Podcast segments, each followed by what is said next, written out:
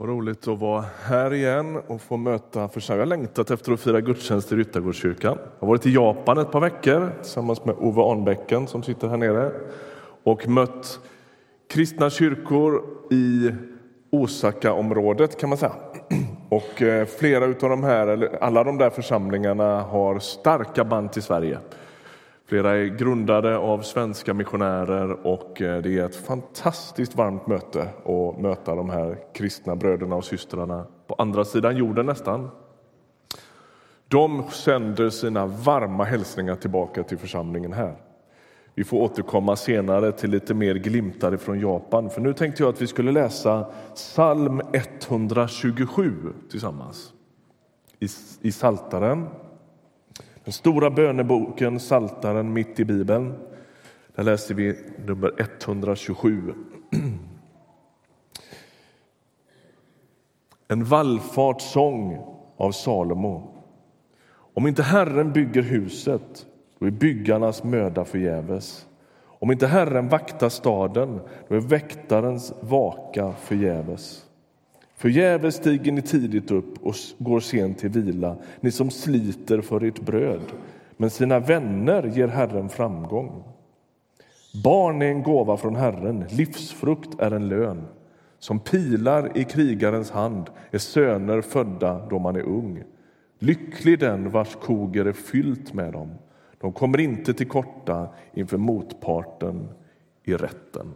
Jag ska lägga ut den här texten en kort stund idag. Det blir ingen jättelång predikan. Vi ska ägna lite extra tid åt att be tillsammans sen.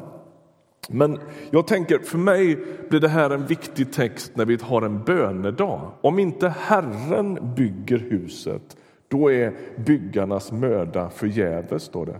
Alltså, Tänk dig att det ska ske någonting som har med Guds rike att göra och det är människor som kommer dit och skjuter till och, och ansluter och är med. Så är ju det naturligtvis bra att det sker. Men om inte Herren är med i det så finns det någonting i det som är lite förgäves. Och då blir ju den stora frågan, spelar det någon roll det vi håller på med? Du har säkert känt på det någon gång ibland. Man eh, går till cellgruppen, man är med och firar gudstjänst. Eh, du kanske finns med i ett engagemang här i kyrkan med en eh, barngrupp eller ungdomsgrupp eller vad det är. Och ibland kan den lilla smygande känslan komma. Spelar detta någon roll? Jag skulle kunna göra något annat istället. Och Texten här verkar antyda att ja, det som är avgörande det är var Herren finns i allt detta. Man skulle kunna läsa den här texten som en sorts inteckning för att sluta göra någonting. Det mesta verkar vara förgäves. Förgäves stiger ni upp och ni går sent till vila. Ni sliter för ert bröd, men sina vänner ger Herren framgång. I någon äldre översättning står det till och med medan de sover. Är inte detta den ultimata slapphetsteologin? Liksom? Ligg lågt, luta dig tillbaka, bara satsa på dig själv och ditt så löser det sig. Och löser det sig inte så kan du ändå inte påverka det. Är det det den här texten säger? Jag tänker att det finns två diken jag, jag, tänker ofta i de termerna. Eh, och det ena diket det skulle kunna vara det där slapphetsdiket eller det där kanske där man avsäger sig allt ansvar för både sitt eget liv och för andras. Också för församlingen. Ja, men det får gå som det vill, jag har annat att pyssla med. Eller det spelar ju ändå ingen roll. Och Om man läser en sån här text och en del andra texter slarvigt då skulle man kunna få för sig att det är så. Nämligen, nej men Gud gör vad han vill, han griper in, han kan ju väcka upp döda som inte har tillskjutit någon energi överhuvudtaget till det här projektet och han kommer ändå dit och gör ett mirakel. Liksom. Det finns en sorts dike i det. Det andra diket det skulle kunna vara den där mödan där man får för sig att allt hänger på oss. Du har säkert funnits med i sådana miljöer i sina sämsta stunder har frikyrkan odlat det. Vi kämpar så svetten lackar och vi beter oss som om Gud överhuvudtaget inte är inblandad i det här. Vi bara kör på och kör på och kör på. Vi slutar lyssna på våra egna signaler. Det finns ingenting som heter att man är trött. Det är bara att ösa. När jag jobbade som pastor förut så en dag till pastorsexpeditionen så ringer telefonen och så är det en kollega från en annan kyrka som säger Vi har haft en lovsångsledare här som har bränt ut sig. Vet ni någon ni kan skicka? Det fanns liksom ingen självprövning. Varför hände det? Har vi en kultur som gör att människor inte orkar utan nu brann någon sönder, då skickar vi in en ny. Liksom. Det är det andra diket. Utgångsläget när psalmisten skriver den här texten det är att Gud arbetar hela tiden. Och Det blir min första liksom, poäng idag. Gud är hela tiden och färdig. Och han jobbar med människor. Han jobbar i olika konflikter i världen. Han arbetar i, i, i, på, på alla möjliga olika skikt i livet och i tillvaron. Och han är redan där. Det finns en bibeltext när Jesus ska sända ut lärjungarna två och två. Så står det han sände dem till de platser dit han själv tänkte gå. Tänker man, varför gör han det? Han ska ju ändå dit. Varför skickar han dem? Han ska ju ändå gå dit. Bättre han skickar dem till platser dit han inte tänkte gå. Men det är som att, att gå att, att leva sitt liv som kristen det är att röra sig på de platser och i de områden där Gud redan arbetar. Det sker liksom i takt med honom. Och han arbetar hela tiden. En, I en judisk eh, liksom, kontext eller en världsbild då tänker man att ett dygn börjar inte på morgonen när klockan ringer. Det gör det ju lätt för oss. Vi tänker att nu ringer klockan och så ska jag kämpa hela dagen och sen får jag vila. För en, i en judisk världsbild tänker man tvärtom. Dygnet börjar kvällen innan. Alltså, den mänskliga 24 timmars dygnet det börjar med att man sover. Och sen blir det dag. Alltså, och Gud sover ju aldrig. Så alltihopa börjar med att Gud arbetar och människan vilar. Är ni med på den? Och när klockan ringer på morgonen så handlar det i någon mening om att ansluta till det som Gud har hållit på med hela natten. Det betyder inte att det är oviktigt, men det betyder att det sätts in i sitt perspektiv. Vi arbetar med det som Gud redan har börjat. Och då blir ju bönen för oss att upptäcka vad Gud redan gör. Han är redan på gång. Han verkar i människors liv. Där du finns på din arbetsplats, eller i skolan eller i din pensionärsgrupp eller i ditt grannområde eller var du än finns så kan du utbe dig om en sorts blick för vad Gud redan gör. Han är på gång bland dina jobbarkompisar. Det kanske inte ser ut så, det kanske inte direkt låter så vid fikat. Så. Men han gör saker och att, att ibland få be Gud om hjälp att se vad han redan gör, det tror jag är klokt. Man skulle kunna vända på den här texten. Det står ju om Herren inte bygger huset är byggarnas möda förgäves. Man kan vända på det så här, om Herren bygger huset så är byggarnas möda inte förgäves. Är ni med på det? Alltså, det här är ingen inteckning för att bara luta sig tillbaka och det spelar ingen roll vad man gör. Men när man går i takt med vad Gud gör, då är det allt annat än förgäves. Tänk att få vara med och liksom samverka med det Gud gör i människors liv. Det är ju något fantastiskt. Ibland får man ju vara med om det lite. När vi har fått möta några av våra afghanska vänner som några kom till tro och lät döpa sig här på vårkanten så känner man ju någonstans att det här har ju inte vi satt igång. Det är ju Gud som verkar i människors liv. Och så får vi nåden att sitta ner och läsa Bibeln med dem. Och man går liksom i takt med vad som redan händer i människors liv. Om Gud bygger, då är det inte förgäves. Sen handlar den här texten plötsligt, det är som att den svänger. Den handlar om arbete och, och att, att, vara en väktare. Och så från vers 3 så kommer den plötsligt att börja handla om barn. Barn är en gåva från Herren, livsfrukt är en lön och så vidare. Och Jag tror att du liksom jag kan reagera ibland när människor säger att de skaffar barn.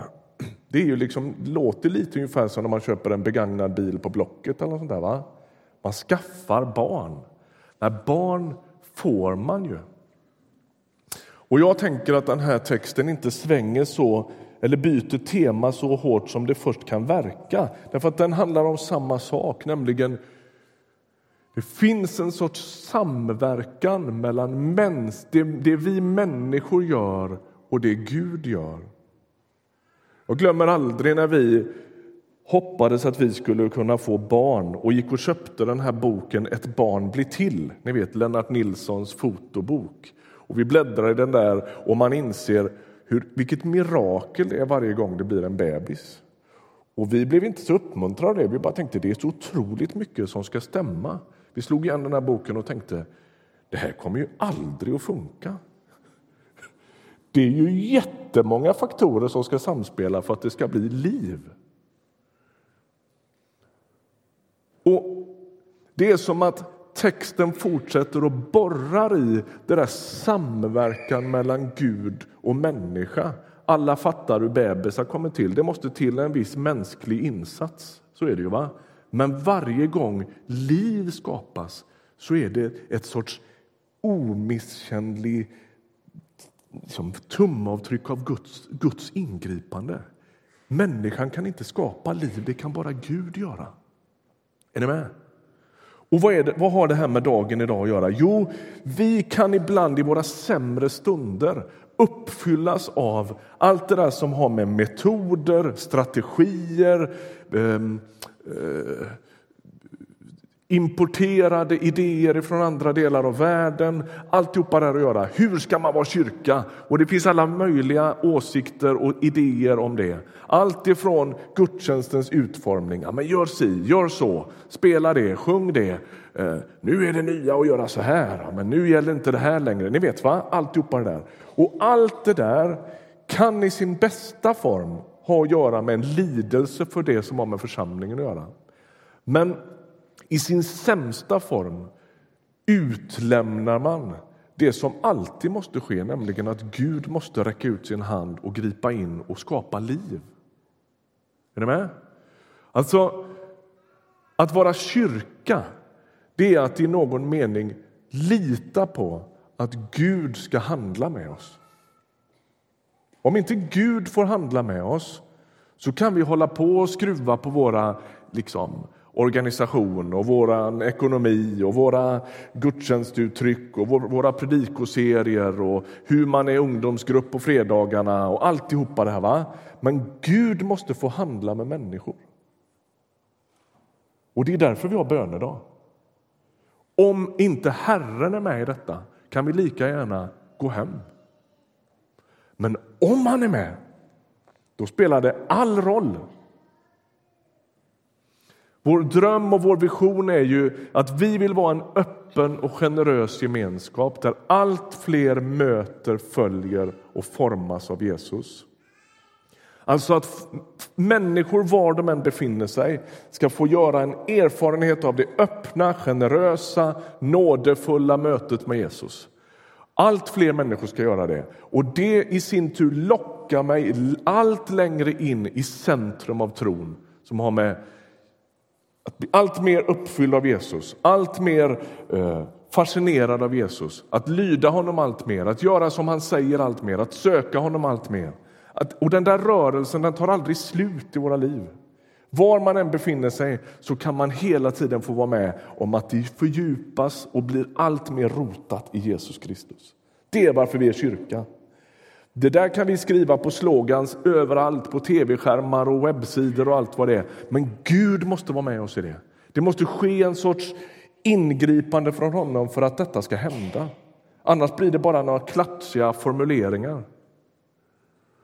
Och jag tror att här finns någonting för västerlandets kristenhet att ta till sig. Bön är att ödmjuka sig. Bön är att säga det här kan inte vi själva. Bön är att koppla upp sig mot det enda omistliga i en kyrka, nämligen Herrens närvaro. Och säga, om inte du kommer, om inte du är med och bygger detta, om inte du rör vid människors liv, om inte du drar i människor, om inte du fördjupar oss, om inte du förökar våran kärlek, om inte du lägger ut skriften för oss och hjälper oss att vara, vara kristna på riktigt, då går det inte. Det står och faller, Herre Jesus, med att du är här. Är du med? Det, och, och, och det har att göra med precis den här bilden av barnen. Vi kan inte skapa liv, det kan bara Gud göra. Och jag, min bön har under den senaste tiden varit att vi skulle få vara med om en sorts andligt skeende i vår församling. Ett djupare andligt skeende som har med ja, men när vi kan steppa tillbaka lite och se nu gör Gud något och vi får hänga med. Jag ser att det verkar funka så väldigt ofta i, i bibeltexterna att Gud gör något och sen försöker församlingen eller de kristna att liksom förhålla sig till det. När vi ber idag klockan ett klockan 18 ikväll eller när du ber hemma på din kammare, var med och be om ett sorts Guds att Gud ska gripa tag i någonting i våra liv, att han ska ösa av sitt goda, att vi ska få vara med om det där smaken av hans närvaro på ett ännu djupare sätt. Det tror jag att vi behöver. Och ibland behöver vi liksom bekänna det. Ja, vi, vi litar mer på dig och din kraft, Gud, än på alla dessa metoder och strategier och smarta lösningar. Jag var i Tanzania, ska avsluta med det. Jag var i Tanzania för ett antal år sedan. Vi mötte en man som skulle grunda en församling i Bagamoyo ute vid Stilla havskusten i Tanzania. Och som svensk som man är så ställer vi frågan vad har du för strategi för detta? Och man ser framför sig en massa dokument och Excel-ark och möten och sammanträden och, och grejer. Så va? Och hans svar avslöjade oss och inte honom. Han sa First we pray, then we preach. Det var klart. Det var hans strategi. Och det växer så här. Liksom. Då säger inte jag att det är dåligt med strategier. Jag säger inte att det är dåligt med de där sammanträdena. Vi kan nog behöva dem men aldrig på bekostnad av vad Gud gör i vår församling. Så låt oss be om det. Låt oss be att Gud får handla med oss som han vill. Och låt oss ödmjuka oss och säga det går inte utan dig. Amen.